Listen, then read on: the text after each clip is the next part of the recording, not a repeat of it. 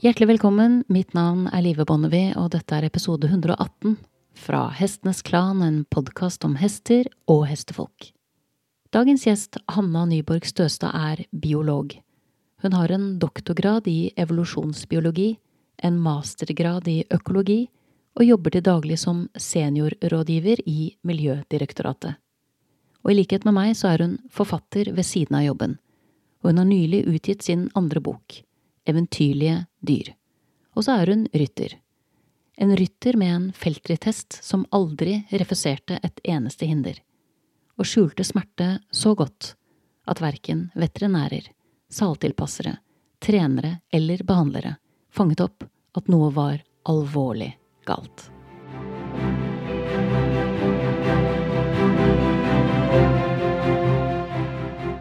Hjertelig velkommen til podkastprat, Hanna. Takk. Eh, litt i samme situasjon nå som jeg har vært på noen andre turer. At jeg føler at det er litt sånn pussig at jeg sier velkommen når det er egentlig på en måte du som har sagt velkommen. For jeg er hjemme hos deg. Vi kjenner hverandre ikke fra før, men det var Trine Bønsdalen som fortalte at du hadde en historie som var verdt å dele. Og så tok jeg kontakt med deg, og så snakket vi litt om uh, å finne det rette tidspunktet. For dette handler om en hest som har måttet uh, avlives. Ja. Så da har vi ventet litt på at det var ok for deg å snakke om det. Og jeg skjønner at det fortsatt er tøft, men jeg er veldig glad for at du stiller opp og tar denne praten. For jeg tenker den er viktig. Og så, eh, mens vi da venter på at vi skal treffes, så treffer vi hverandre i en annen kontekst. Som var veldig pussig. Mm. For det viser seg at vi har uh, samme forlag. Ja. Uh, og av de 300-400, jeg vet ikke hvor mange mennesker det kan ha vært på den festen, noe sånt. Noe sånt, ja. Mm. Og alle de bordene man kunne satt seg ned ved. så setter vi oss sånn som nå, at vi sitter rett overfor hverandre og vet jo ikke hvordan hverandre ser ut, og får sagt hei da første gangen. ja. Jeg overhørte jo at du presenterte deg til hun du satte deg ved siden av. Jeg var jo ikke i den samtalen, og så hø- overhørte jeg at du presenterte deg. Så jeg, Nei, det kan jo ikke stemme. Nei, for det er for sprøtt. Ja. Så det var første gang vi traff hverandre, og nå er vi her for å snakke om historien om deg og Daphne. Ja. Hvor skal vi begynne? Nei, jeg tenker det er jo relevant å begynne kanskje rett før jeg kjøpte henne, da. Eh, Så dette er sommeren, sensommeren 2020. Så vi er midt i pandemien. Eh, Jeg har i, rett i starten av pandemien, i mars 2020, solgte jeg forrige hesten min. Eh, Han var en stor unghest. Eller han hadde vokst seg veldig stor. Jeg kjøpte han som liten. vokste seg veldig stor og ganske vilter, og jeg måtte til slutt eh, kaste inn håndkleet, og altså, han ble for mye for meg. Eh, og, og solgte han til en kjempeflink profesjonell rytter som nå rir internasjonalt feltritt med han. Eh, så, så jeg kjeda vettet av meg uten hest. uh, og var på leting etter noe hyggelig hest å ri på. Um, for det, altså før jeg hadde hatt denne unghesten, som jeg hadde hatt i tre år, tror jeg, uh, så hadde jeg hatt en annen hest som også hadde vært litt vanskelig. eh, Som ligner veldig på historien til Daphne, faktisk. Ironisk nok. Som viste seg at han hadde en betennelse i bekkenet, blant annet. Eh, Og han ble ganske liksom aggressiv etter hvert, eh, sannsynligvis pga. mye smerter, eh, og måtte avlives. Så jeg hadde gjort det, og så hadde jeg kjøpt denne unghesten som skulle være den nye stjerna, og gått gjennom det, og noen år senere så ble han for mye, sånn at jeg selger han, ikke sant. Så, men det var, ja, det var trist, men det var liksom ikke, ikke så dramatisk. Jeg tror ikke han hadde noe vondt eller noe sånt. Um, så jeg leter da etter Den skal være hyggelig, den skal være i trening, den skal være grei, og ikke noe greier, liksom. En sunn og frisk hest. En sunn og frisk og hyggelig og grei hest. Ja. Eh, men det er vanskelig å finne, eh, og ikke minst i pandemien, eh, hvor det er veldig veldig høye priser, du kan ikke dra til utlandet og sånn. Og så får jeg niss om denne Daphne, da. Og hun er i full trening, går som feltidshest og som profesjonell rytter, fungerer ok. Og hun skal selges fordi hun trenger litt mer tid for å komme opp i nivåene. Eh, og det har jeg ikke noe problem med. Jeg har ikke noe behov for å kjempe i nå eh, snart, så det tenker jeg er fint. Eh, Jeg drar og prøver henne, og hun er veldig hyggelig. Veldig søt hest. Snill og grei og står pent og veloppdragen og sånn. Så er det liksom noen få ting man kanskje legger merke til. Litt stiv i ryggen, litt stiv i galoppen. Småting, liksom. Og forteller at nei, noen ganger vil hun ikke på tur, men det er å være litt bestemt, så går det bra. Jeg har henne på prøve i to uker, faktisk. Og hun er litt sånn tittete og, og sånn, men ja, er litt bestemt, så går det bra. Det er ok, ja. Det var jo mye bedre enn de andre hestene jeg prøvde. og jeg så jo en veldig, veldig fin hest der inne. og tenkte at det her, eh, det her gir vi et forsøk. Um, hun hadde en liten halvthet på, på vettsjekken. Um, men den Vi ble, ble sprøyta, og så et par uker seinere var hun halvt fri. Og jeg fikk henne jo til redusert pris på grunn av det, og ikke noe konflikter eller dramatikk i det, egentlig. Så kjøpte jeg henne. Uh, satte i gang, og så fikk mista hun sko. og så liksom var det litt sånn smårusk bare som var tilfeldigheter, liksom. Uh, så satte jeg i gang igjen etter den skoen, og så merka jeg at det var et eller annet rart. Og så var hun og Så tenkte jeg hm, det var rart. Så ringer dyrlegen. Uh, og etter litt, litt fram og tilbake med enda en runde med sprøyting og, og liksom Er det samme beinet da? Så først var det samme beinet. Sprøyta på nytt. Er vi på frampart, bakpart? Vi er på en venstre framkode. Ikke sånn om det ble bedre, men så kom de dyrlegen tilbake. Jeg var ikke overbevist om at ting gikk bra, og så viser det seg at hun hadde en ligamentskade i det andre frambeinet. Som hun ikke hadde da jeg kjøpte henne, eh, for det har vi eh, ultralydbilder av. Eh, så den er ny, sannsynligvis helt tilfeldig, snubla på beite, et eller annet. Og vi snakker et halvt års opptrening og bare skritting. Og det var ja, da, seks uker etter jeg fikk henne, eller den, ja, den typen tid, liksom. På måneder. Så det var utrolig surt. Um, men sånn er det. Det er uflaks. Uh, og vi begynner å ordne med skoing. Hun hadde litt lave hæler. Så tenkte jeg kanskje det var litt, hadde noe med det å gjøre at hun fikk den skaden. Man vet jo aldri. Du begynner å jobbe med det. Jeg hadde kiropraktorbesøk som sa at hun var ganske stiv i bakparten. Litt sånn tegn til karperygg, men godt mus muskulert og sånt, da. Så det var jo Hun var jo en god feltishest i full form. Og jeg tenker at uh, når man skal kjøpe varmlås ride, så det er alltid noe stivheter. Hun, hun var ikke noe sånn så hvert fall ikke som jeg og, og veterinæren, og vi kunne se noe sånn spesielt dårlig ridd, eller Det var bare det, som de fleste ridekonkurransehester, liksom. Og åpenbart godt trent på mange måter. Hun var jo veldig veloppdragen og, og sånn. Så vi skritter, da. Det var jo det vi gjorde den vinteren. Um, hun uh, oppførte seg i starten veldig pent. Veldig rolig, veldig grei. Vi koste oss. Tenkte ja, ja, vi kan skritte så lange turer vi ville. Så koste oss med det, egentlig. Så ble det kaldt. Hun ble litt mer ivrig. Sannsynligvis mista hun jo litt muskler, uh, vet vi nå. Uh, men uh, så hun ble litt gira og hadde noen episoder hvor hun begynte å snu tilbake til stallen litt sånn brått, småsteile. Ble litt redd for ting, sånn at jeg ikke fikk henne forbi. Kasta meg av en gang. Eh, når hun hadde sett, sett, noe, noen mennesker eller noe sånt oppi en ås. Ja. Så den veloppdragne hesten som du hadde kjøpt, viste litt andre takter, men på en måte ja. kanskje litt forståelig også fordi det var veldig lite Hun, altså hun fikk ikke ja. si, brukt energien sin til så mye annet enn å rusløp, på en måte? Stemmer. Så er, hun er jo 80-90 fullblods. Eh, hun bare skritter. Hun bor jo på utegang, men hun bare skritter. Så det er liksom Det er vanskelig å tolke noe annet inn i det at hun bare var gira, hadde for mye energi. Um, og hun hadde jo allerede tidligere også vist tendenser til at hun var litt sånn ikke den aller mest selvtillitsfulle ute på tur. Så ja ja, sånn er det. Da jobber vi med det, liksom. Og uh, vred mest med andre, da, for da var hun grei.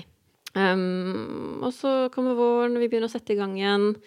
Uh, rir masse sidebevegelser, begynner å trave litt, og det går egentlig ganske greit. Uh, og vi jobber parallelt med dette turproblemet som det etter hvert blir. Ja, for på dette tidspunktet så har det blitt et problem for deg? På dette tidspunktet har det blitt et problem. Uh, så det eskalerer. Og det har gått veldig gradvis? Veldig gradvis, ja. ja. Uh, fra å være liksom at hun er litt gira og skvetter for ting vi tilfeldigvis ser der ute, til at vi egentlig ikke kan ri vekk fra stallen alene. Så utover våren så blir det egentlig ganske ille. Det virker som hun fullstendig har mista selvtilliten. Og vi bor jo Altså, stallen vår er på toppen av en ås, så det er nedoverbakker, ganske bratte nedoverbakker uansett hvor man skal på tur. Så til slutt så blir det til at vi står på toppen av disse bakkene, og hun vil ikke gå. Eh, hvis ikke noen andre går foran, eller hvis jeg hopper av og leier. Eh, jeg tenker ja, ja, det mista selvtilliten, liksom. Vil ikke bort fra vennene sine. Eh, hvis du går foran, eller hvis det er en annen hest foran, så er det ok? Ikke noe problem. Ikke noe problem, ja. Så da tenker du mentalt? Ja. Jeg tenker det. Uh, hun er grei på banen, aldri noe problem uh, og sånn. Og så får vi etter hvert klarsignal fra veterinæren til å begynne full opptrening etter ligamentskaden. Den er helt helet, alt har gått kjempefint. Jeg har drevet og massert skaden, sånn at det kom blodtilførsel, og vært kjempeflink med alle ting vi skulle gjøre og sånn, så den har gått kjempefint, og tommel opp for veterinæren, alt er fint. Men eh, omtrent to uker før denne beskjeden om klarsignal, så har hun mista en baksko og fått en liten byll. Eh, og hun har stått i noen dager, og så ble satt i gang igjen. Eh, og da har hun litt sånn rar, litt rar i ryggen. Eh, liksom, når vi skal begynne å trave, så liksom tar hun sånne små galoppsteg med hodet litt hevet heller enn å trave ordentlig. Og jeg tenker hm, det er jo merkelig, ikke gjort det før, liksom. Eh, og så kom ut dyrlegen, da, omtrent på dette tidspunktet, og da, da nevner jeg dette for han og sier er det Kanskje du kan komme og se på, nå skal vi jo sette i gang, og kan ikke du komme og se på at jeg rir litt? Så han kommer og ser, og hun gjør det, og så som vanlig så kommer hun inn i det, liksom, og så jobber hun egentlig ganske bra. Um, han sier nei, hun er jo nok bare sprek. Uh, sannsynligvis. Hun har jo ikke jobbet noe særlig og sånn, så så lenge det liksom det går over, så, så er det sikkert greit.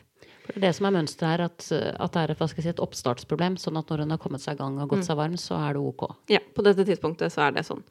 Uh, men også der er hun jo veldig Det er litt som å ri en treåring, på en måte. Uh, og dette er en hest som egentlig er i ganske god form opprinnelig, da. Uh, og er jo åtte år, vel, på dette tidspunktet her. Så når vi setter i gang, da, så begynner vi liksom å trave litt sånn, og så og galopp det var veldig tungt, liksom. Å ri en voldelig galopp var en utfordring på dette punktet her. Og så tenkte jeg ja, ja, men hun har vært ute i trening lenge, liksom.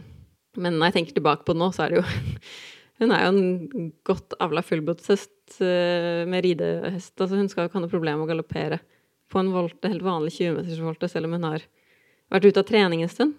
Uh, hun har jo blitt ridd i sidebevegelser og alt mulig sånn hele vinteren. men men på det tidspunktet så er det sånn ja, ja, men vi må da komme oss i gang, liksom. Vi har masse overganger, vi har masse sidebevegelser, vi har masse volter, åttetall. Og, og ting blir jo bedre. Og vi har noen dressurtimer hvor hun går kjempefint, og hun er litt tung, liksom. Men vi føler jo litt at vi er på bedringsvei, da. Og så går det utover høsten, og vi begynner å ri på sprangtreninger. Er liksom målet ditt på dette tidspunktet da at du skal ha en feltritshest eller en spranghest, ja. eller hvor er vi i, ambisjonsnivået? En god allround-hest, egentlig. Eh, altså, hvis jeg får ri liksom 90 cm feltritt eller noe sånt, så er jeg kjempehappy. Mer er fint, men ja. Skal, vi skal kose oss og starte litt stevner og kanskje være med på liksom, distriktsstevner i sprang med noe lag i klubben, ikke sant. Sånne ting. Ikke veldig høye ambisjoner, men litt sånn vi ser hvor vi kommer. Så vi begynner å drive på sprangtimer. Um, og det går OK. Hun hopper alltid. Stopper aldri. Men sliter liksom med voltene. Uh, det er vanskelig å liksom samle henne. Vi får veldig ofte sånne småsteg før indre. Uh, og så tenkte jeg ja, ja, men vi må trene. vi må komme oss i gang og sånn. Og treneren er positiv, og dette klarer dere, og sånn. Og på dette tidspunktet jobber vi jo også med disse turutfordringene. Um, For i hele denne fasen her så er dette med tur da fortsatt like fastlåst, på en måte. Det ja. fungerer ikke så godt for henne lenger. Det stemmer. Men der også har vi framgang på, til en viss grad, på en måte. Det er liksom Så det som har skjedd, er at vi har uh, brukt hele sommeren på å trene. Jeg hadde jo et time da med Trine Bønsdalen. Uh, en time på våren og en time på sensommeren. Og liksom imellom den perioden der så har vi brukt lang, lang, lang, lang tid. Og har, jeg har stått der, og vi har liksom ett steg rost masse, altså på gårdsplassen, liksom ett steg mot porten, typ. Begynte basically å klikkertrene henne til å gå. Eh, liksom står der på toppen av bakken, hun tar ett steg, sier eh, klikkerord, og hun får godbit.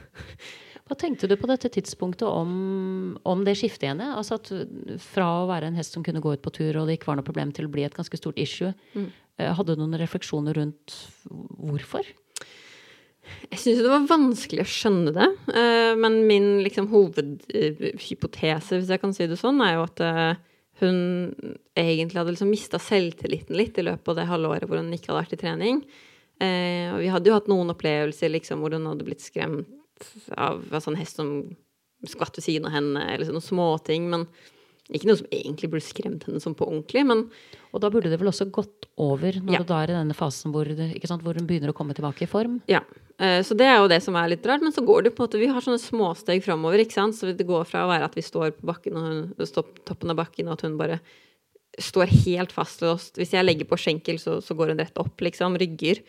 Eh, til at hun eh, står rolig, avslappa. Vi står der og venter. Hun tar noen steg. Jeg klapper henne og repeat, liksom. Og så vi, så kommer vi oss liksom ned bak, halvveis ned bakken, vi kommer oss helt ned bakken, vi kommer oss til det gule huset, vi, ikke sant.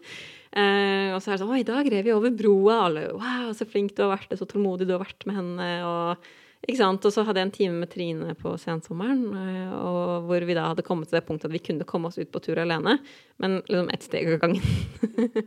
Til vi kommer oss ut av syne av stallen og er liksom godt inne i skogen, og da går hun. Og i denne fasen, hvis du da hadde med deg en venninne og en hest, så var det ikke noe issue i det hele tatt? Ikke noe problem. Nei, Da kunne du ikke merke noen ting? Da var det bare rett ut på tur, eller? Altså, hun kunne jo titte på ting. Ja, hun fortsatt tittet det. Så hvis det var liksom, si en traktor, eller jeg husker vi møtte en sånn hest med kjerre, sånn travhest en gang, og da, det var kjempe Da ble det helt kaos, liksom. Da måtte jeg hoppe av og sånn.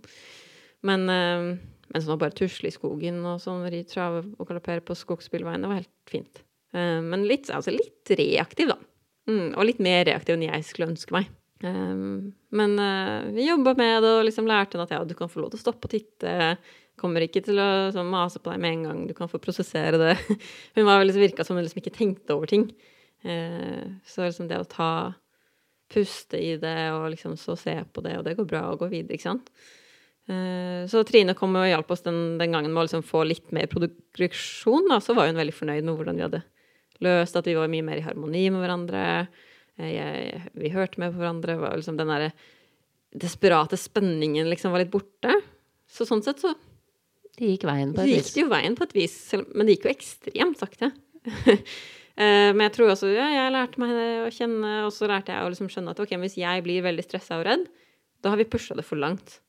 Eh, for jeg var litt sånn skamfull fordi jeg ble så redd når hun holdt på sånn. Tenkte at nå må du tøffe deg opp, Hanna. Du, kan ikke, du var redd med den forrige hesten, når du er redd med den. er det, når, du pleide jo å være så tøff når du var ung, liksom. Den, de type tanker, ikke sant. Eh, og så skjønte jeg jo etter hvert at det var, hovedgrunnen til at jeg var redd, var jo at hun var ikke komfortabel. For når hun, når hun hadde det fint, så var jeg ikke redd. Så, så vi hadde liksom innsett at ja, nei, vi får ta det på, i vårt tempo, liksom. Så, så kom vi oss til det punktet hvor vi vel egentlig var hele tiden, resten, helt mot slutten av historien, at hun Vi kunne komme oss ut på tur, og vi kunne ri på tur alene også. Eh, men det tok ja, si mellom 10 minutter og 40 minutter å komme seg liksom fra stallen til skogen. Eh, forbi det skumle grisehuset og ned den skumle bakken og sånn. Og da fungerte det jo på en måte. Uh, så da var det sånn, ja, OK, det, vi jobber videre, men det, det får gå, liksom. uh, og rev mye sammen med andre også, da. Men uh, så utover høsten 2021 er vi nå. Da driver vi da på sprangtimer, begynner så vidt. begynner å komme i gang med treningen, og har også der sånn, sånn sakte progresjon på dette tidspunktet. Vi kan ri en helt storvolt i galopp. vi starter stevnet, let's se, to ganger vel, og får sånn helt OK karakterer. Men vi er liksom veldig på det lett se-nivået. Og jeg har ridd i mange år, og jeg skal ikke si jeg er en sånn superflink rytter, men med en så flink hest, så er det jo, det er jo litt påfallende, da, at man liksom ikke klarer å få samla henne opp. Jeg prøver liksom å ramme inn skulderen, da stopper hun opp. Det er liksom et eller annet Jeg får liksom ikke ordentlig gjennom kroppen, over ryggen til kontakten. Det bare hvis jeg med en gang jeg liksom får tak på henne sånn, og får ramma henne inn og får med bakparten, så stopper hun. Så det blir liksom til at vi Altså, jeg rir som om jeg rir på en treåring, på en måte. I lange tøyler, og vi bøyer og tøyer og pusher henne på en måte ikke, og blir fortalt av alle trenerne at jeg må korte opp tøylene og ri mer fram og, og pushe henne og sånn, men da, da, stopper det liksom opp. Så det blir jo til at vi liksom, ja, vi rir med sidebevegelser og eh, Men så utover høsten så, så blir det verre igjen. Så da har vi ridd på sprangtimene, og, og, hun blir mer og mer stressa. Så vi har egentlig Det er ikke veldig kompliserte timer, men det er litt mer enn liksom bare to hinder på langsiden. Han, treneren setter jo opp liksom, Det er jo en del kombinasjoner, svinger. Og typisk det vi får problemer med, er eh, svinge opp på midtlinja i galopp. Ja, volter i galopp. Ting som er litt sånn Krever at hesten balanserer seg. Og hvordan arter problemet seg da? Hva er det som blir symptomet? på en måte? Eh, typisk så eh, enten bukker hun, eller så bryter hun ned i trav. Eller så får hun en sånn litt sånn hvining og løper av gårde. Sånn og så løper. Eh, veldig ubehagelig å sitte på. Um, eller så mister mister skulderen, ja, bryter galoppen. Um, ja, så booking. Uh, litt sånn Så det er mye som kan skje, ja, hun, rett og slett, ja, og mellom hindrene. Ja, og parallelt med dette så blir hun reaktiv på de andre hestene, på ting som skjer. Eh, hvis liksom noen smeller i døra, så hopper hun i været. Eh, jeg husker vi var på en sånn innendørs terrengtrening som Hun hopper kjempefint. Hun løser alle problemene. Eh, eh, kjempe liksom Jeg styrer henne, hun hopper. Men hvor hun er så stressa. Eh, hun sånn sprutbæsjer hele tiden, for hun er åpenbart veldig gira, liksom. Eh, med negativt fortegn. Um, Men refuserer ikke fortsatt? Refuserer ikke. Jeg tror fortsatt ikke en eneste gang så lenge jeg hadde henne, at hun stoppa. Og da, vi får jo masse ros, og det går kjempefint, og hold deg fast, liksom. For da gikk det jo litt fort, kanskje, fordi jeg fikk samla henne. Ehm, og da er det liksom, hvis en annen, hvis en annen hest begynner å galoppere ved siden av henne, så, så friker hun, liksom. Hopper i været, eller skyter av gårde, eller hviner, eller Ja. Eh, veldig ubehagelig, særlig for meg, da, som hadde da vært gjennom den unge hesten så hadde blitt litt mye, eh, og egentlig altså, virkelig ikke trengte det. Eh, jeg var så lei, liksom, av å ja, føle meg utilstrekkelig, eh, ikke, ikke klare det, føle meg utrygg. Hva sier trenerne til, eh, til denne atferden, da? Altså, det er jo litt sånn fascinerende, syns jeg, fordi jeg tenker på alle disse trenere som jeg rir for. Altså, jeg rir jo bare for folk som jeg syns er ordentlige hestemennesker, liksom. Eh, så det er jo folk som, liker, som er glad i hester og, og alt sånt, men alle er veldig sånn De er veldig opptatt av hvordan jeg rir, eh, og hvordan jeg skal løse det, og liksom sitte opp og ha god kontakt på tøylen og ri fram, og 'dette klarer dere', liksom, og Det er veldig sånn positive, typisk. Og, og ja, men det går bra, hun klarer det, dere må bare jobbe på, liksom. Komme med ulike løsninger, kanskje du kan ri litt mer overganger for å styrke overlinja. Det er den typen ting. Og jeg tror i løpet av tiden jeg hadde henne, så har jeg ridd for kanskje, eller vært borti 10 eller 15 ulike trenere, eller noe sånt. Um, og ingen av dem på noe tidspunkt sa noen ting om men det her er ikke normalt, kanskje du skal sjekke den opp. Uh, og på et vis så er det forståelig. Jeg har liksom ikke lyst til å dømme dem. Altså, det er mange flinke hestemennesker her som Det er ikke noe blame-greie, liksom. Men det er jo fascinerende at, at så mange var borti det og ikke så det. Og det sier også noe vanskelig der, ikke sant? Fordi de ser et, et snapshot, et lite bilde av det. De fleste disse menneskene rir jeg for én eller noen få ganger bare pga. treningssituasjonen vi er i. Um, jeg tror ikke de ser på det som så unormalt at det skal reageres på. Nei, det er det som kanskje er det som er den bjellen som ringer litt hos meg, da. Ja, Altså at det de ser er ikke så avvikende fra det de har sett hos andre hester. Ja, liksom. at det kanskje er en slags i gåseøyne normal, da. At det er litt sånn Ja, ting med dem. Litt sprutbæsj, litt Mm. Den er litt reaktiv, Ja. eh, den var bedre forrige gang. Mm. Og så er det på en måte så, så er det litt gangen i det, og det er sånn det går. Ja. Men det er en ganske kraftig reaksjon Mm. å ha en sånn type avføring eh, Ja. knytta til trening. Og påfallende liksom når vi kommer inn i ridehuset etter hvert, begynner hun å stresse. Og, eh, så jeg begynte jo liksom å ri der seint om kvelden i dressur for å venne henne til å være der og sånn. Men dette er en eh, liksom godt, eller relativt godt voksen hest som har vært masse, på masse konkurranser. Altså det at hun da ikke liksom, plutselig ikke er vant til å være et ridehus, altså det, det er jo ikke det, ikke sant? Det er jo noe annet der. Men er det da fort gjort for deg som rytter å tenke at det er deg? Ja. For det, det ligger liksom litt i kortene her. Og når da treneren også på en måte kommer med løsninger på hva du kan gjøre, Mm. så, så er du jo litt sånn i en situasjon hvor hun hadde vært helt fin hvis hun bare hadde hatt en annen eier. Ja, ikke sant. Eh, og det er jo når man, man får en hest fra noen som jo er veldig flinke til å ri, ikke sant, så er det, det er kjempevanskelig. Fordi Altså, jeg har ridd i mange år, men jeg er jo ikke noe perfekt rytter. Selvfølgelig gjorde jeg masse feil som de kunne kommentere på. Eh, så man, da tolker man jo dit hen at ja, hvis jeg hadde ridd kjempebra, så hadde hun ikke gjort det. Men det er klart, det å ri en sånn type hest som ikke går i kontakten, som er reaktiv, som er eh, ikke Som du liksom ikke har ordentlig kontakt med, det er veldig vanskelig. Så alle de småfeilene man gjør, som de blir så, så tydelige. Eh, så Nei, jeg syns det var veldig vanskelig, men, men etter hvert så jeg rir på sprangtreningene, vil jeg jo kanskje annenhver uke eller hver uke en to-tre måneder eller sånt på denne høsten. Og etter hvert så, så, så følte jeg at det her er ikke noe vi skal drive med. Jeg fikk liksom et en slags følelse av at det gikk feil vei, at det var ikke det hun trengte. Og jeg grua meg til de sprangtimene. Virkelig. Jeg tenkte sånn åh nei, i dag er det torsdag igjen, liksom. Og etter hvert så, så vi var halvveis i en time hvor det var noe, noe du skulle gi noe hindre på slalåmlinje eller et eller annet sånt, hvor jeg bare hoppa av og sa nei.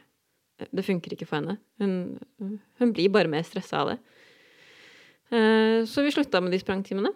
Der og da var det jo ikke meningen å slutte, men vi kom liksom ikke tilbake. Eh, så hele den vinteren 2021 til 2022 så rev vi nesten bare på tur og liksom jobba for oss selv på vår egen lille snøfylte ridebane. Og parallelt med dette så hadde vi jo, det er kanskje poeng å nevne at vi hadde kiropraktorbehandling. Eh, så dette var i skal vi se, november da, den, den, vinteren der.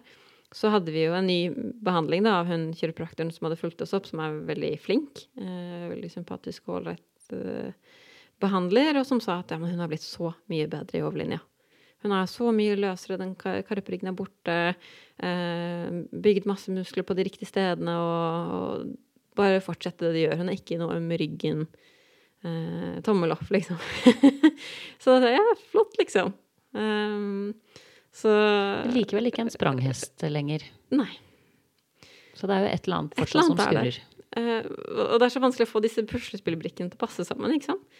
Så, det, så, jeg ser på en måte på det som en slags bekreftelse på at hun Altså denne personen er også veterinær. Og kan jo selvfølgelig også ha det rett. Altså overlevingen ja, ja. har blitt bedre, hun ømmer seg mindre. Ja. Ikke sant? Sånn at det er, jeg tenker at det er en helt adekvat tilbakemelding å Absolutt. gi. Ut fra eh, også at du jobba såpass systematisk for å bygge noe opp. ikke sant? Så det stemte sikkert, det. Hun var hele tiden, helt fram til det siste, veldig god i ryggen sånn kiropraktisk sett. Eh, og ifølge da flere flinke personer. Eh, og var uh, bøyelig, tøyelig. Um, og på, på, dette tidspunktet, da, i november omtrent, så var hun da ikke noe øm i ryggen i det hele tatt. Og vi hadde også saltilpasser flere ganger. Fikk samme beskjed der. Virker ikke som det er noe problem med salen, liksom. Og tilpassa, og alt var liksom Skulle være i orden, liksom. Um, og så utover vinteren så rir vi på tur. Så det er liksom samme greia at vi vi kommer oss ut på tur etter hvert, og vi får liksom ikke den derre kontakten i ridinga og sånn, men så begynner jeg å tenke at nei, vi kan jo prøve oss på noen bomtimer, da. Så vi drar på bomtime på det lokale ridesenteret. Og for de som ikke driver med sprang, da? Ja, eh, så det er typ sprang, men at hinderne er på bakken, så du trenger liksom ikke å hoppe over dem. Eh, helt enkelt. Så vi hadde liksom travbommer, så vi bare traver over bommen etter hverandre. Liksom Eh, veldig Burde vært veldig ukomplisert. Eh, det var noen andre hester med på timen. En av dem var ganske fyrig, og det ble min òg. Eh, og det var ganske skummelt. Men jeg hadde nå Jeg hadde jo liksom bestemt meg for at det her skal vi klare. Og hadde jo tenkte ja, men hun kaster meg jo ikke av, og hun bare hopper og spretter litt, og jeg hadde virkelig liksom psyka meg opp, ikke sant. Uh, hun trenger bare at jeg pusher henne litt gjennom og er litt trygg for henne og har klare rammer og osv. osv. Så, videre, uh, så vi rir noen bommer, begynner med noen galoppbommer. Hun blir mer og mer gira, kaster på hodet, skyter av gårde når andre resten skyter av gårde. Ikke spesielt behagelig, men det går nå. Og så skjer det plutselig Jeg har litt sånn vage minner av hva som akkurat skjedde. Jeg tror vi skulle Jeg tror det var vår tur, så vi skulle begynne å ri. Og så steiler hun rett opp virkelig rett opp. Jeg har aldri sett en hest overfor meg på den måten der. Det var helt forferdelig. Eh, det var som en sånn fjell som bare reiste seg. Eller sånn tsunamibølge som du ser på film, liksom. Eh, og så lander hun igjen, bråsnur, og jeg faller av. Eh, og da, da tenkte jeg at det her Det her går jo ikke. Og hun treneren hadde jo egentlig ikke noen klare løsninger, men var jo også litt bekymra på en måte og uenig om at det var ikke helt bra, liksom, det her. Og... Så jeg fikk, var heldig og fikk ri en annen hest, eh, venninnes hest, på den timen og bare fikk hoppa et par bitte små hindre og, og sånn at jeg fikk ri litt. Altså, det var veldig fint. Uh, men etter det så dro jeg hjem, og så uh, snakket uh, Snakket med litt folk, og nei, kanskje vi skal dra på en trening, og ja, få noen andre til å ri henne, se om det funker, og, og sånn. Og jeg merka at jeg grudde meg så mye til det. Eh, jeg hadde ikke lyst. Eh, og så red jeg på tur med en venninne. Vi skritta på tur, da, sammen. Eh, og så drodler vi rundt. Hva er det her for noe? Liksom det. begynte jo å skurre noe innmari, ikke sant. Og så sier, så sier venninna mi ja, men hun har ikke vondt i ryggen, da. Nei, har, nei, det har hun da ikke, liksom. Tenkte Nei, magefølelsen min sier ikke det, liksom. For hun kiropraktoren sa det var fint, saltilpasseren sa det var fint. Jeg sjekka jo med han veterinæren i sommer, han sa det var fint. Uh, ingen av trenerne som har sagt noe om det, liksom. Så, så, gikk jeg de neste dagene og tenkte, og så var jeg sånn Det er klart hun har vondt i ryggen. Plutselig ga alt mening. Sett i det lyset så var det bare sånn Å ja. Ja, ja det, da ville hun jo gjort det, ja. ja de, det forklarte alt. Det forklarte alt. Uh, og det var som en sånn derre Det var som om jeg hadde liksom gått med noen sånne skylapper som jeg bare liksom desperat hadde Jeg bare ville ikke at hun skulle ha vondt, ikke sant? Den nesten skulle jo funke, jeg skulle få det til. Og så bare åh, Ja, nei, det må jo være noe. Det må være noe. Du har nettopp hørt episode 118 fra Hestenes Klan, en podkast om hester og hestefolk. Del to av historien om Hanna og Daphne får du mandag om en uke. Og mens du venter på den, Spør deg selv om hestene du rir, eller hester du har ansvar for, eller andre hester du møter på din vei, har helseutfordringer som de aktivt prøver å skjule, fordi de feilaktig tror at det kan redde livet deres.